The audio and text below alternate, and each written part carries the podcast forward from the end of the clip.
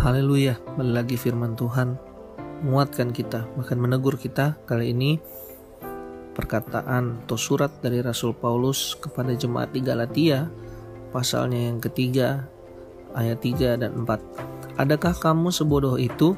Kamu telah mulai dengan roh, maukah kamu sekarang mengakhirinya dari dalam daging?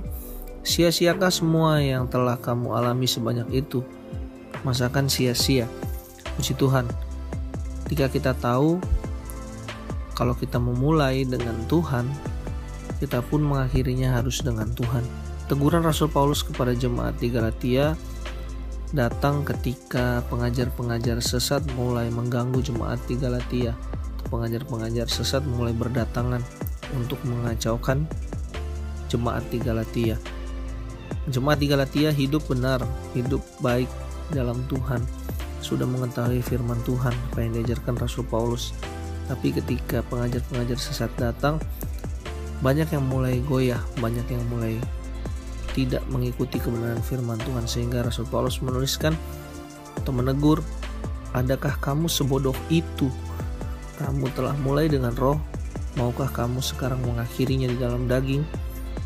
Sia-siakah semua yang telah kamu alami sebanyak ini? Masakan sia-sia?" Saudara yang dikasih dalam Tuhan, kita sudah banyak mengalami kebaikan Tuhan.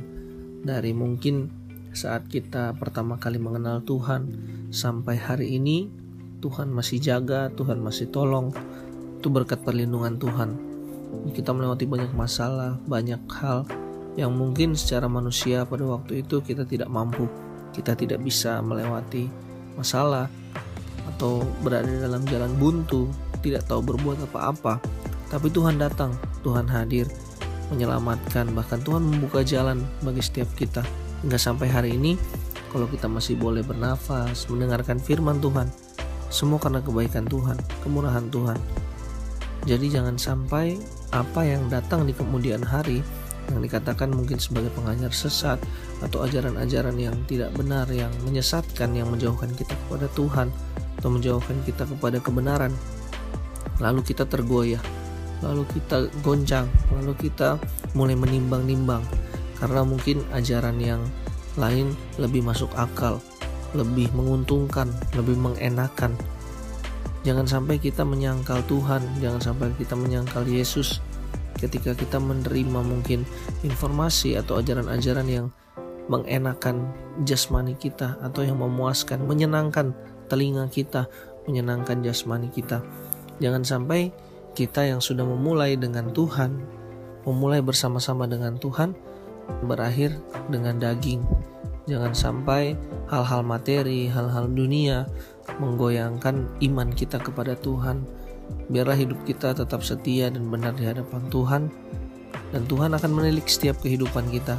Kalau kita setia, walaupun dalam masa sulit, masa kesesakan, masa yang mungkin kita alami sangat berat, tetap setia pada Tuhan. Tuhan menilik setiap kita dan jangan sampai kita terikut atau terbawa oleh dunia atau pengajaran-pengajaran yang hanya memuaskan jiwa, memuaskan jasmani kita karena semua itu bersifat sementara.